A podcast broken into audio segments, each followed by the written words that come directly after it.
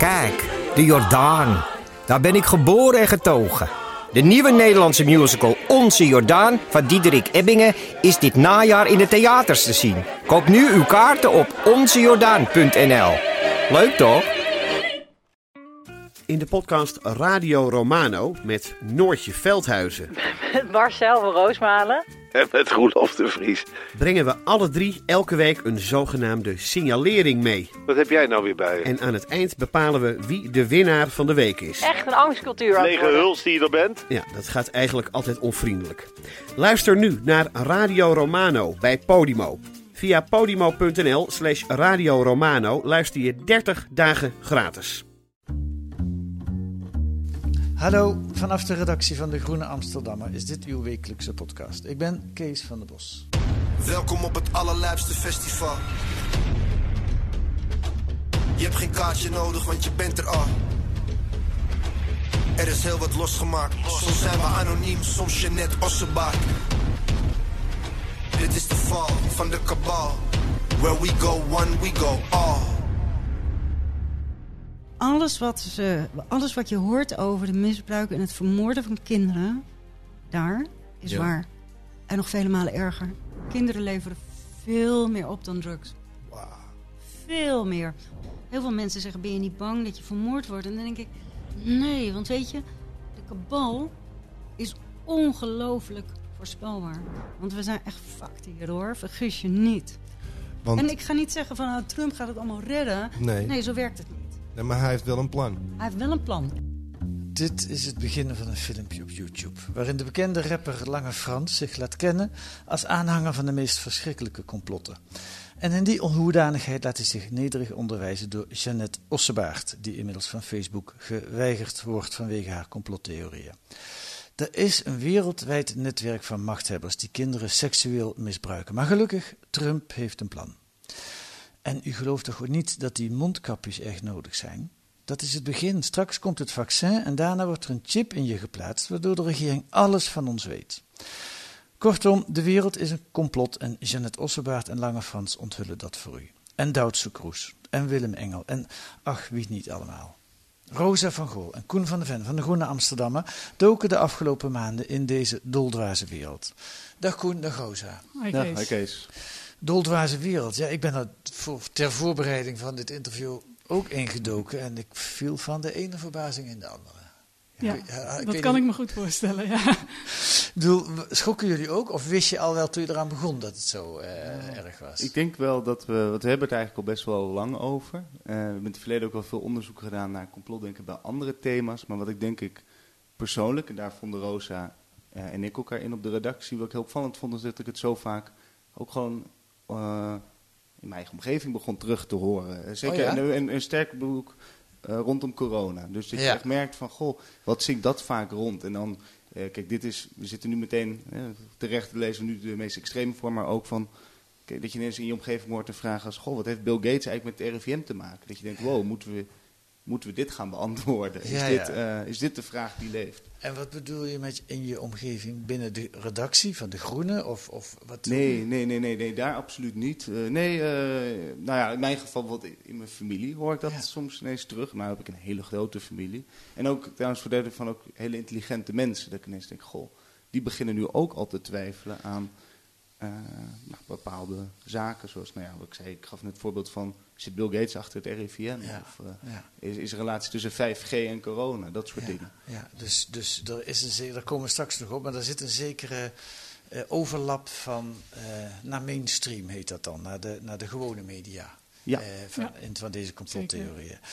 Ehm, eh, Rosa, verbazen jullie je ook over de populariteit van die complottheorieën? Dat filmpje van Lange Frans, wat ik zag, ze noemen het een podcast, maar het is een filmpje, want het staat op YouTube.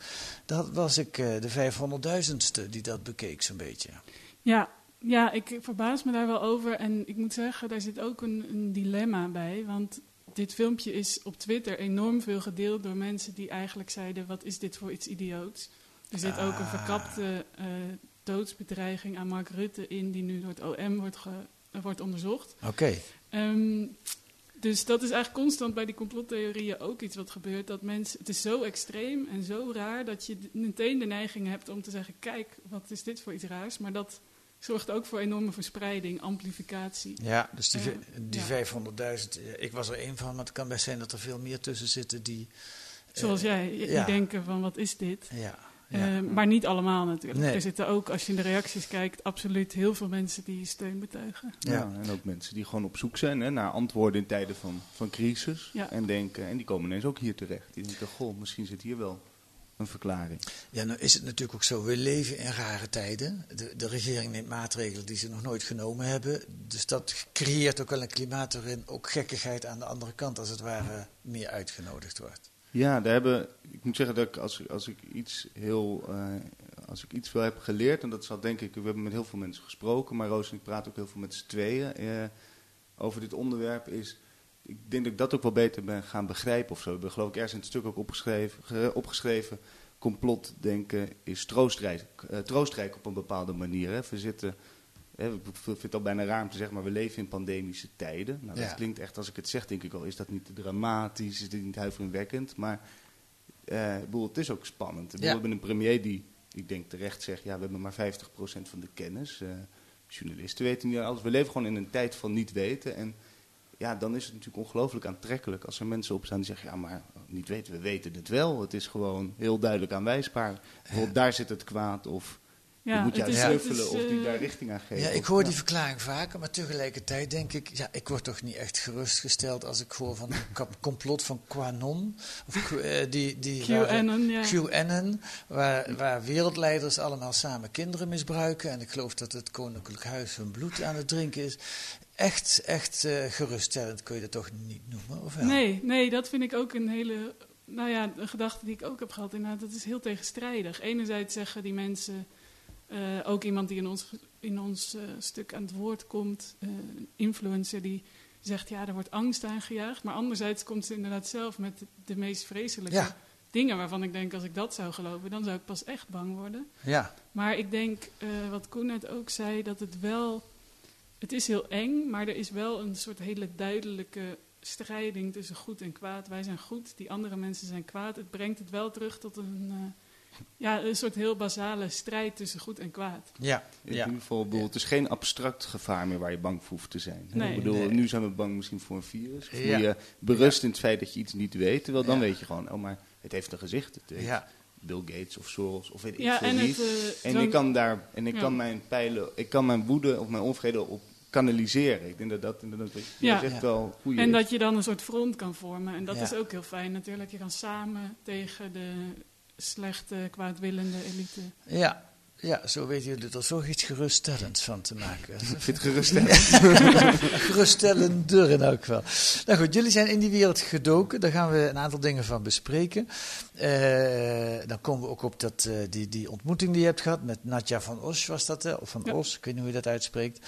Eh, maar eerst iets anders. Jullie maken onderscheid tussen klassieke complotdenkers en nieuwe complotdenkers. Wie geef ik het woord? Leg dat eens uit. Ja. Nou, ehm Rosa, ga je gang.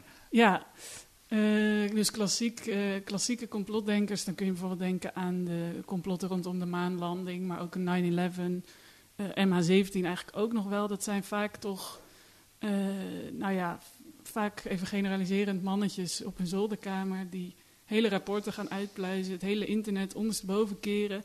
En die komen dan met een alternatieve theorie. Een andere theorie dan de officiële. Ja, En dat is eh, wat je daar verder ook van vindt, of je dat nou geloofwaardig vindt of niet. Het is in ieder Ja. geval een hele hoop werk. bijvoorbeeld 9-11, dat is geen toeval hoe die gebouwen ingestort zijn. Daar hebben ze Precies. allemaal berekeningen voor, daar zit Precies. iets achter. Ja. Ja, en dan krijg je ook een hele argumentatie. eh, Ja. Los van de kwaliteit daarvan. Dat is heel veel werk en dat is ook binnen dat kader is dat consistent. Het is echt een theorie. Eh, en het nieuwe... detectives zijn dat. Ja, inderdaad. En het Ja. nieuwe complotdenken is, eh, ja, ik zou zeggen veel luier en veel makkelijker. Dat is namelijk gewoon de officiële lezing in twijfel trekken, vragen stellen. Ik stel alleen maar vragen, wie kan daar nou tegen zijn?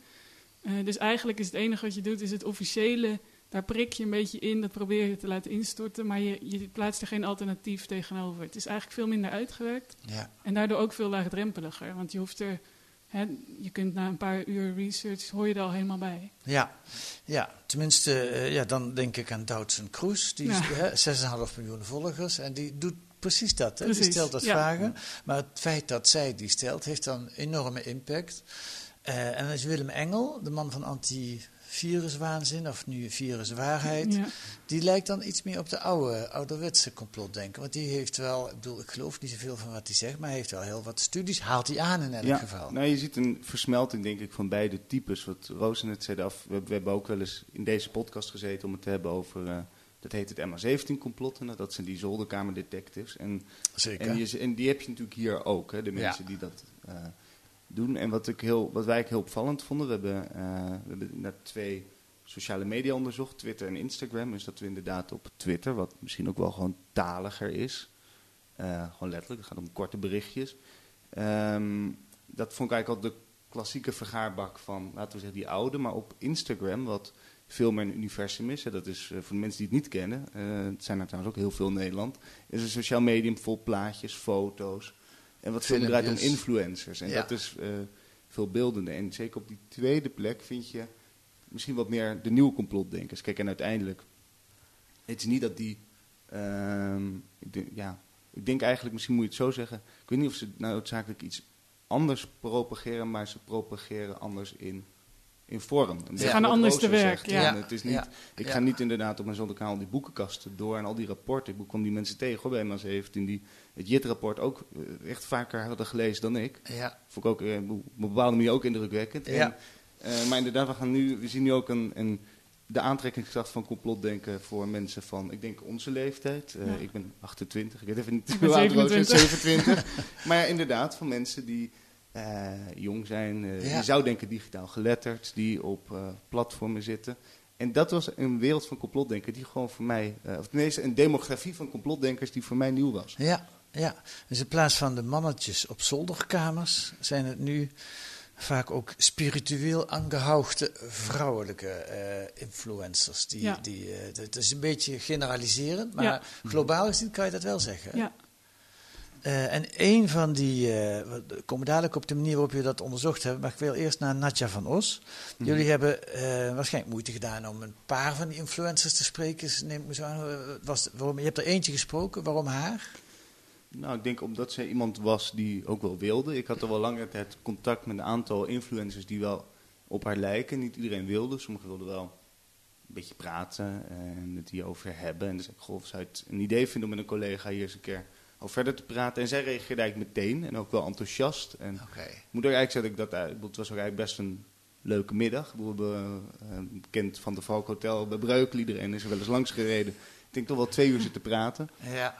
En, en zij kon heel goed, en dat maakt, denk ik, daarom vond ik dat gesprek ook wel goed wat we daar eh, hadden, is ze kon ook heel goed met ons reconstrueren hoe ze, waarom ze dit dacht. En Ja. ze twijfelde trouwens ook helemaal niet. Hè. We gaan daar geen debat aan van wel eens niet dus.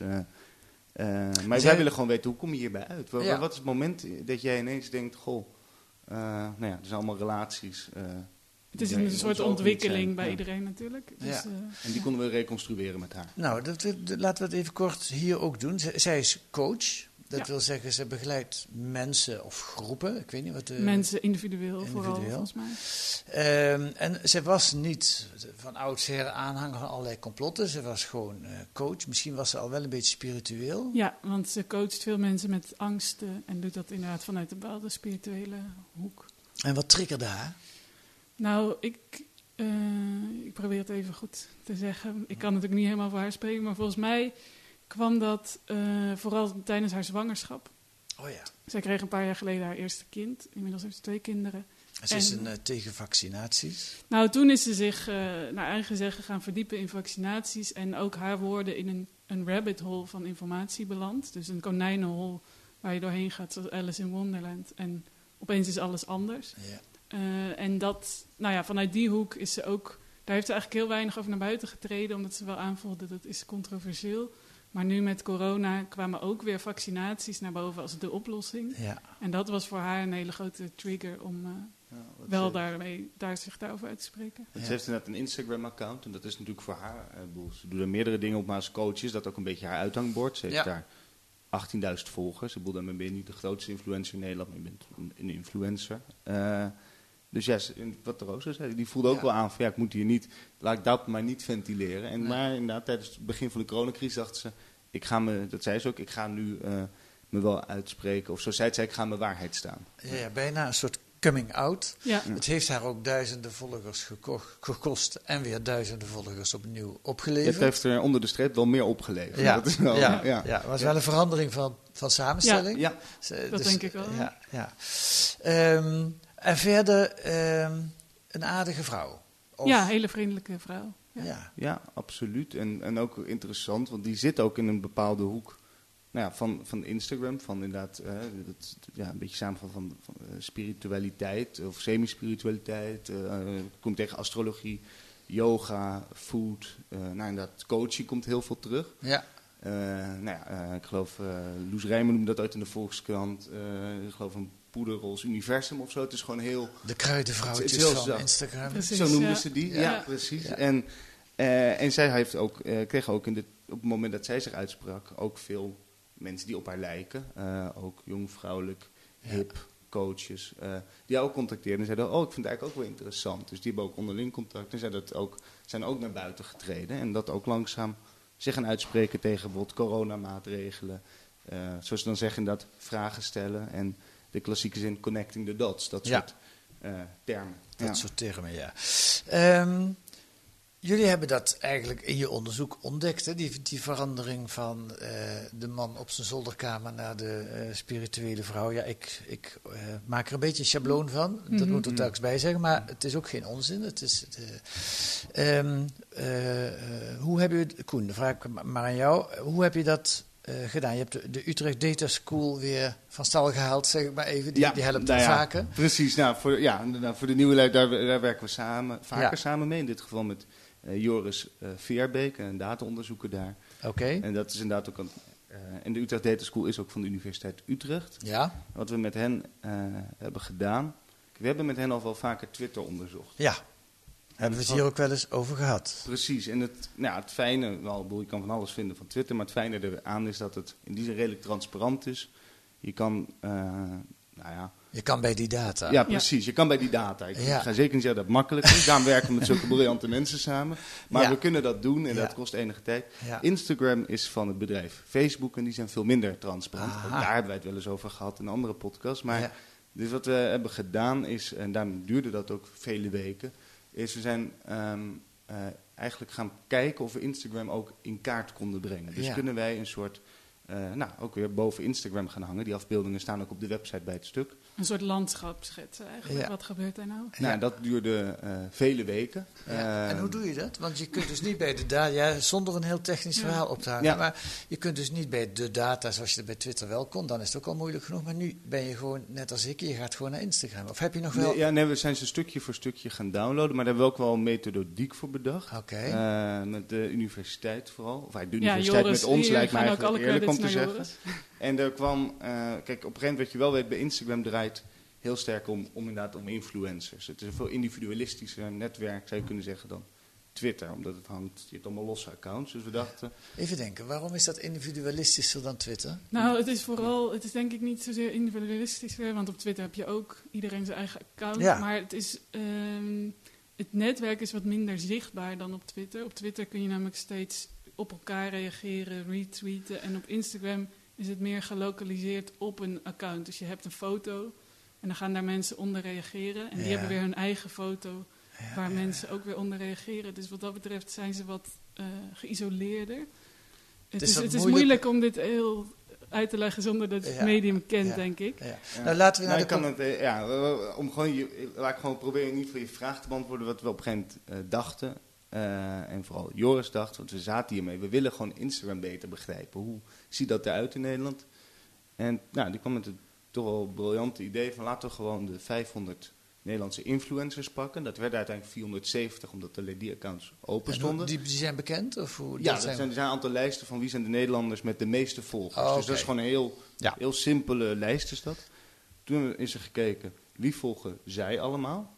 Dus naar wie kijken zij zelf? Ja. Dus naar wie kijken Ja. zij zelf? En toen Ja. hebben we op een gegeven moment als criterium, want anders wordt het te groot gezegd... eh, alle accounts die wij opnemen in de lijst moeten door tenminste twee influencers worden gevolgd. Nou, lang van kort, dat worden 30.000 accounts. Ja, En die zijn allemaal ge- eh, in een landschap geplaatst als stipjes. En de positie van het stipje in dat landschap hangt af van in hoeverre het Instagram-algoritme jou adviseert om iemand te gaan volgen. Dus bijvoorbeeld, ga het gewoon maar met een voorbeeld oplossen. Uh, mijn, als je naar mijn Instagram-account gaat, is misschien de kans groot dat je ook Rosa aangeraden krijgt, omdat Instagram snapt die mensen zijn gerelateerd aan elkaar. En de, ja, de groene, dat is misschien één. Ja. Als je Koens foto's interessant vindt, vind je die van mij ook interessant. En op basis daarvan zijn we dus, kunnen we dus boven Instagram hangen en kijken waar zitten de verschillende groepen. En dan komt het allemaal. Kom je tot een soort overzicht ja. naar kijken. Nou ja, dat laten we naar die conclusie gaan. Die conclusie is dus dat je inderdaad groepen in een landschap ziet, als het ware op een voetbalveld staan, allemaal groepen bij elkaar. De spirituele, uh, ja, binnen de spirituele heb je nog een hele hoop onderverdelingen. Uh, nou ja, laat ik het aan jullie vragen. Uh, even heel in het kort, wat is de belangrijkste conclusie als je naar die groepen kijkt? Kijk naar jou, Rosa. ja, heel kort. Als je naar die groepen kijkt, nou, je ziet een hele grote overlap uh, tussen de spirituele accounts en de complotaccounts op Instagram. Ik denk dat dat uh, de belangrijkste conclusie is. En wat daarbij ook interessant is, um, is dat de complotaccounts veel vaker dan niet-complotaccounts geïnteresseerd zijn in spiritualiteit. Dus die uh, accounts ja. volgen. Andersom is die relatie er trouwens niet per se. Dus als je geïnspireerd geïnteresseerd bent in spiritualiteit, is het niet per se zo dat je daarin komt. Maar wel, uh, nou ja, met die aanbevelingen werkt het dus wel zo dat die mensen uh, tussen die groepen eigenlijk heen en weer gestuurd worden. Instagram duwt je wel een beetje die kant uit. Ja, je belandt in die hoek. Ja. Uh, ja. En dan is de kans vrij groot dat je daar een keer op stijgt. Goed. Nou, mensen die daar meer van willen weten, verwijs ik nu naar het artikel. Ik, en naar de website. Ik, en daar staan alle... inkoppen nog, en dat is omdat, dan ga je even terug het begin van het gesprek, dan zit je weer inderdaad op, hè, wat doet spiritualiteit, wat doet religie? Ja, dat biedt een beetje houvast, misschien ja. een beetje hoop ja. in moeilijke tijden. Maar dat zou meer weer de verklaring zijn van waarom zit je niet zelf toe. Maar sorry, ja. dat was ja. even... Dat nee, dat is uh, hele, hele goede aanvulling. Want dat blijft toch een... Nou ja, om het nog ingewikkelder te maken.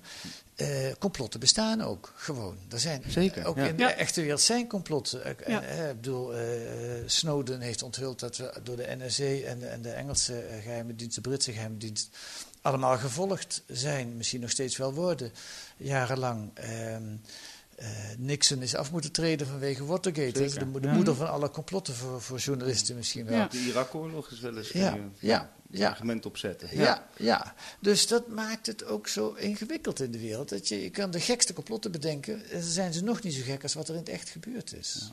Ja. wat ik denk ik cruciaal vind, en daarom zijn we voor dit stuk ook gaan praten met, ik noem ze maar even, representanten van de oude media. In dit geval de overheid van NOS of van het AD. Ja. Kijk, het is gewoon helemaal waar wat je zegt. De complotten uh, bestaan en complotten moeten onderzocht worden. Wat zo fascinerend is aan deze, uh, de mensen die wij nu in dit stuk bestuderen, uh, complotdenkers, vooral de nieuwe complotdenkers, is dat ze hun vertrouwen hebben opgezegd in instituties als bijvoorbeeld de wetenschap of de journalistiek. Die inderdaad, we, we, werken allemaal aan de journalistiek aan deze tafel, die soms ook fouten maken, die soms niet werken, die soms tekortschieten, maar die in ieder geval um, zijn bedacht als, hè, er werken meerdere mensen, buigen zich over stukken. We hebben een soort checks en balances bedacht, allemaal regels. Er is een soort heel systematiek van wanneer kom je tot informatie. Als wij een complot willen bewijzen, ja. dan zullen wij bepaalde regels en wetten moeten volgen. Anders worden we op ons vingers getikt hier door de hoofdredactie. En de naam van de Groene of de Volkskrant of de NRC staat dan voor het feit dat er iemand is die jou daaruit selecteert als ja. jij dat niet goed doet, dat ja. werk. En deze mensen zeggen eigenlijk, nou, dat, die mensen moet ik eigenlijk allemaal niet meer, want die vertrouw ik niet. En dan nou, bijvoorbeeld Natja, die we ontmoeten, had dat heel sterk. Die zegt, ja, maar jullie, ja, jullie uh, werken misschien ook voor mensen die belangen hebben, weet ik veel ja. wat. En dan, dan leggen we wel uit, beleefd, ja, nou, dat is niet helemaal zo, waarom denk je dat? Maar dat, maar dat, in plaats daarvan geloven deze mensen inderdaad op een individu online met een Instagram-account, die gewoon een ja. prachtig universum schetsen of een soort, soort antwoord. Maar waar nog veel minder, ja, waar nog veel minder controle ja. is. Ja, ja. Ja, die heeft alleen. Ja, nee, dat is, uh, dat is moeilijk vechten. Met een website met duizend journalisten van de New York Times tegen, een, uh, tegen Duitse Kroes met 6,5 miljoen volgers. Nou ja, maar het interessante is dat uh, veel van die complotdenkers dus zeggen: ja, hè, de media en vooral in Amerika, die hebben allemaal een rijke eigenaar en die heeft bepaalde belangen. Nou, dat klopt tot op zekere hoogte ook. Uh, in Nederland ligt het wel iets anders, maar heb je ook, tuurlijk, je hebt overal altijd belangen. Daar ja. wijzen zij dan constant op. Ja. Alleen als het dan gaat om de belangen van complot-influencers, om ze maar even zo te noemen, dan is het altijd alsof dat volkomen zelfzuchtige, zich opofferende mensen zijn. Ja. En Ja. dat is dus ook niet helemaal zo. Nee, jullie wijzen er fijntjes op dat er ook een hele industrie eh, achter eh, groeiende is. Ja. Inmiddels beginnen de verbouwers hier eh, weer te boren, dus we gaan het niet te lang meer maken. Bouwput Amsterdam. Ja, het bouwput Amsterdam. Ik wil nog één aspect met jullie bespreken, de, de, de reactie van de gewone media. Eh, er zijn twee eh, reacties en eentje daarvan is eh, fact-checks, die eh, eh, populair zijn geworden eh, Mhm. nou, de afgelopen jaren, denk ik. Ehm, bij Reuters, dat heb ik uit jullie artikel gehad, hebben ze een filmpje ontmaskerd. En dan, eh, u gaat het geluid zo horen, maar dan moet je denken wat je ziet is een monteur met helm en mondkapje. En die is aan het werk bij een 5G-zendmast.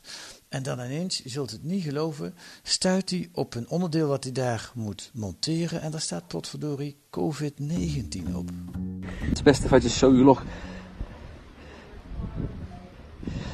There's a piece of fucking 5G kit and it says COVID-19 on it. I don't really know of any product produced by any company that produces circuitry like this that, that has the brand name COVID-19, but that's what it says on the fucking circuit board. Why the fuck are they putting circuitry like that in towers like that? I just don't fucking understand.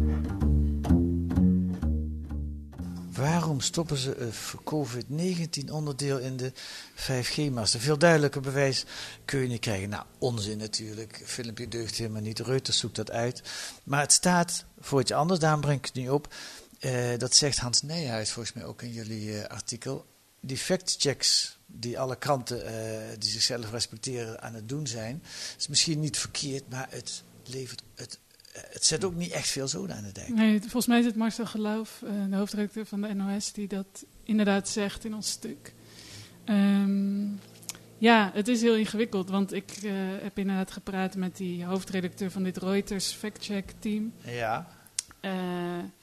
En zij hebben voor dit verhaal, nou dat was op zich journalistiek gezien een heel leuke fact-check. Want ze hebben toen met een telecombedrijf samengewerkt en die hebben een kastje voor hun gedemonteerd. Nou ja, dan konden ze precies zien welk onderdeel dat dan was. En dat COV-19 stond daar niet, maar dat was op een, nou ja, Ze worden opgeplakt. Erop geplakt, ja. Ja. Dus dat was op zich voor journalisten een hartstikke leuke oefening. Maar eh, je hoorde het misschien al in het fragment. Die man heeft een Noord-Engels-Brits, no- noorden van Engeland een accent. Maar dat filmpje is ook in Amerika daarna nog helemaal viral gegaan. Ja. Dus je zou kunnen zeggen, ja, wat, wat levert zo'n factcheck nou eigenlijk op? Ja. Niet heel erg veel. Zeker niet als de mensen die je probeert te bereiken... geloven dat jij in de zak van de Ja. elite zit. Ja. Ehm, wat zij dan zegt, en ik denk dat daar zeker wat in zit, is ja, die echte diehards, die ga je niet overtuigen. Maar er staan ook een hele hoop mensen omheen die twijfelen. En die misschien wel voor zo'n Reuters factcheck eh vatbaar zijn. Ja, ja. Eigenlijk moeten wij allemaal, en met wij bedoel ik eh, consumenten van eh, informatie, dus iedereen, een soort journalisten worden. Die, die in staat zijn om bronnen te beoordelen. Ja, al kun je ook zeggen, en dat was natuurlijk zo, eh, dat is op zich, kijk, het idee van bestaande media, en dan bedoel ik de klassieke media, krant, nieuwswebsites, was natuurlijk ergens ook, dat idee is nog steeds niet fout. Het idee dat je gewoon denkt, nou, ik abonneer mij op een bepaald blad. Ik, bedoel, ik snap wel dat ik een beetje eigen parochie aan het preken ben trouwens, maar of ik ga naar een Nou, bepaalde kan ook op nieuwsite, de omdat ik- Telegraaf, omdat ik, eh. ja, of de Telegraaf, dat maakt echt niet uit. Dat, Ja. Kan je zelf kiezen. Ja. Gelukkig hebben we heel veel verschillende media, Ja. bijvoorbeeld in een land als Nederland. Maar ik stel mijn vertrouwen in een groep mensen die voor mij inderdaad feiten verifiëren, die volgens bepaalde methodiek voor mij dingen uitpluizen. En, dat en is, ja, je besteedt en- dat eigenlijk uit. Dus je betaalt een abonnement en dan Ja. besteed je dat uitzoeken uit. En met sociale media betaal je niet zo'n abonnement. Ja. En dan moet je dat zelf gaan doen. En dat blijkt inderdaad eh, toch moeilijker dan mensen misschien op het eerste gezicht zouden denken. Ja, dan moet je die beoordeling helemaal zelf maken. Ehm, en dan kan het zomaar zijn dat je Duitse kroes, dat je niet weet dat zij eigenlijk daar helemaal niet zoveel van af weet. Dat, wat ze eigenlijk ook eerlijk zegt. Hè. Ik heb er een paar uur onderzoek naar gedaan en ik stel Ja. een paar vragen. Maar ja, Ja. er is heel weinig voor nodig om een eh, complottheorie in omloop te brengen. Daar hebben we nu geen tijd meer voor. Dat zit ook helemaal heel mooi in jullie artikel, vind ik. Ik wil nog naar één ander effect op de gewone media. En dat is eh, wat Marcel Geloof, zijn naam viel al, de hoofdredacteur van de NOS, afgelopen zomer zei in eh, op 1 over de toenemende bedreigingen waar zijn journalisten mee te maken krijgen. Op steeds meer momenten eh, is er een situatie waar er een enorme druk op je, op je gelegd wordt tot het niveau van bedreigen. Als je niet dit of dit doet, als je niet dit of dit uitzendt of dit niet meer uitzendt, Eh, dan, dan komen we de studio bezetten of dan vallen we verslaggevers lastig. En dat gebeurt ook eh, steeds vaker. Gaat ook vaak, vaak goed. Hè? De, de sfeer was ook best gemoedelijk vandaag. Maar bijvoorbeeld bij demonstraties op het Malieveld... daar hebben we echt van alles meegemaakt. Bestu bespuugd, bedreigd, geïntimideerd, eh, apparatuur beschadigd. en auto's ondergepiest. het pissen tegen auto's van ons aan. en bij één demonstratie hadden we toen acht bewakers meegenomen. Jeetje, en ik vind het ook ernstig dat natuurlijk een deel van de politiek voedt dit. En, en werkt mee aan dat vijandbeeld. In Amerika zien we Trump het doen, maar ook in Nederland zien we bij, bij de PVV, bij Forum van Democratie, die voeden uh, uh, het wantrouwen richting de journalistiek. Een zorgwekkende ontwikkeling, lijkt me. Hebben jullie eigenlijk ook te maken gehad, of heeft een groene verslaggever ook wel eens te maken met van jullie zijn van de mainstream media? nou, op social media kan ik je wel voorspellen dat dit artikel een hele hoop QAnon-accountjes gaat opleveren. Maar goed, gelukkig, uh, maar nooit, gelukkig geen fysieke bedreiging nee, nee. Maar bij de, bij de NOS dus wel, en er zat aan tafel ook iemand van Omroep Gelderland en die had hetzelfde verhaal. Zeker, ja. Um, ja, dat is toch wel zorgwekkend. Ja, absoluut. En het, ja, toont ook die worsteling waar we het net over hadden. Toen begon ik over zo'n factcheck. Hoe ga je nu om met een toch een soort groep mensen die eigenlijk gewoon, um, nou ja, gewoon het, nou laten we zeggen, buiten de wereld van soort feiten en debat. En daar kun je heel veel meer stemmigheid in hebben. Gewoon zeggen, ah, maar feiten doen er voor mij niet toe. we halen ook een boekje aan A Lot of People Are Saying. Heel veel mensen zeggen het gewoon. Of ik zie gewoon een filmpje van die man in Noord-Engeland. Eh, wat kun je daar nog tegenover zetten als mensen eigenlijk ik bedoel, gewoon niet meer voor, voor reden vatbaar zijn? Ja. Ze, niet, ze zijn dom, maar ze willen gewoon niet redeneren. Ze willen niet praten in de wereld van Oké, okay, en dat soort dingen. Ja? dat, is, nou, dat is echt heel ingewikkeld. Ik denk dat inderdaad, we zijn naar het AD en naar de NOS gegaan omdat zij uh, gewoon de missie hebben, de ambitie om een hele grote doelgroep te bedienen in Nederland. Ja. En nou ja, ik moet zeggen, ik weet niet of we met een hele duidelijke conclusie komen. Wat ik kan zeggen is dat ze ermee worstelen. Uh, en wat jij, waar jij nu net op duidt, het is inmiddels vertaalt zich dat soms ook politiek naar politieke partijen die. Uh, waarbij ze niet zeggen, nee, ik denk bijvoorbeeld anders over een bepaald plan. Nee, ik, ik, ik geloof gewoon niet in bepaalde instituten, in bepaalde democratische wetten. Bijvoorbeeld de simpele wet, uh, agree to disagree. We kunnen ja. prachtig debatten, maar nee, je bent onbetrouwbaar, je deugt niet. En dat, is uh, denk ik hetgeen waar Marcel Geloof even op wees. Van, hè, in, in Amerika zetelt dat al in het Witte Huis, in de persoon van Trump. En in Nederland hebben we ook krachten die gewoon zeggen... Uh, zoals Wilders deze zomer, hef de NOS maar op en ontslaan Marcel Geloof en al zijn mensen. Dan, uh, en nou ja, dat is... En dan ja, maar ik denk dat toch ook wel, om niet heel uh, te eindigen, een klein lichtpuntje moeten toevoegen. Vertel, Rosa. En dat is dat ook de abonnementen op juist klassieke media in die coronatijd toegenomen zijn. Dus je ziet eigenlijk een soort informatiekloof ontstaan. De ene helft gaat, of het ene deel gaat naar de klassieke media, zegt ik heb informatie nodig van jullie. En de andere gaan naar die sociale media, die raken meer sneller in die complotten. Uh, en ik denk dat complotdenken op zich, dat het bestaat, dat is helemaal niet zorgwekkend. Dat is altijd, vanaf de oudheid, de hele geschiedenis lang.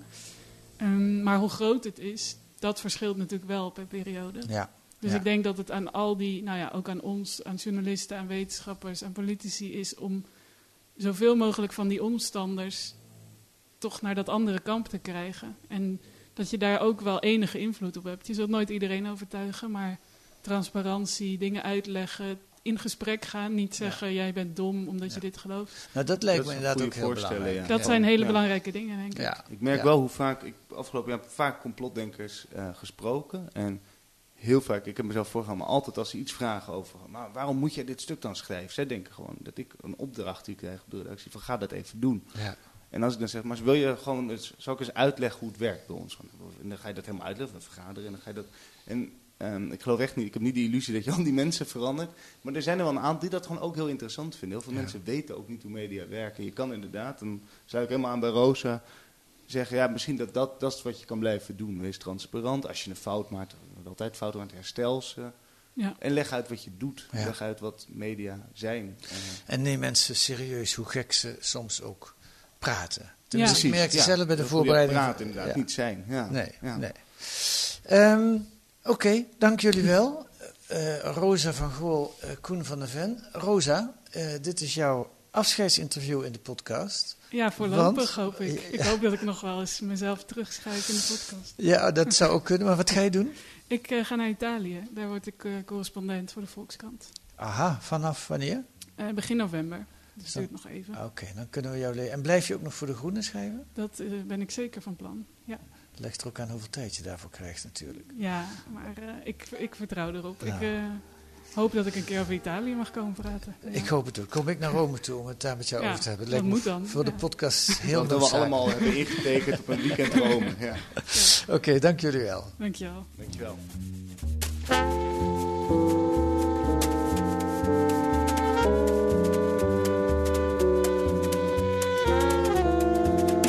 Lees dat allemaal in De Groene deze week over complottheorieën. En verder in De Groene een onderzoek naar de stoppersregeling voor varkenshouders. Die is goed voor de Rabobank en voor de boeren. Alhoewel de helft van de boeren al aangekondigd heeft dat ze het niet gaan doen. Maar hij is zeker niet goed voor natuurgebieden. En een portret van een bekende Indiase vrouw, Oprah Winfrey die zonder invloed van Big Capital en met nieuwe technieken de onafhankelijke journalistiek weer mogelijk maakt. Nou, daar ben ik wel nieuwsgierig naar. Kunt u lezen met een abonnement of een proefabonnement. Hoe dat werkt, ga naar groene.nl. Kunt u lezen hoe u de groene kunt krijgen voor 30 euro, drie maanden lang. U kunt reageren op deze podcast. U kunt ook complottheorieën insturen naar podcast.groene.nl. U kunt ons ook sterren geven in de podcast-app of een korte recensie. En met meer, hoe meer sterren we krijgen, hoe hoger we op allerlei tiplijstjes komen. En dat geeft weer nog meer luisteraars. Volgende week zijn we er weer met achtergronden bij het nieuws. En deze, in deze podcast van de Groene Amsterdammer. Die deze week werd gemaakt door Madelon de Goffouw en Kees van der Bos. En de muziek is A Tune for N van Paul van Kemenade.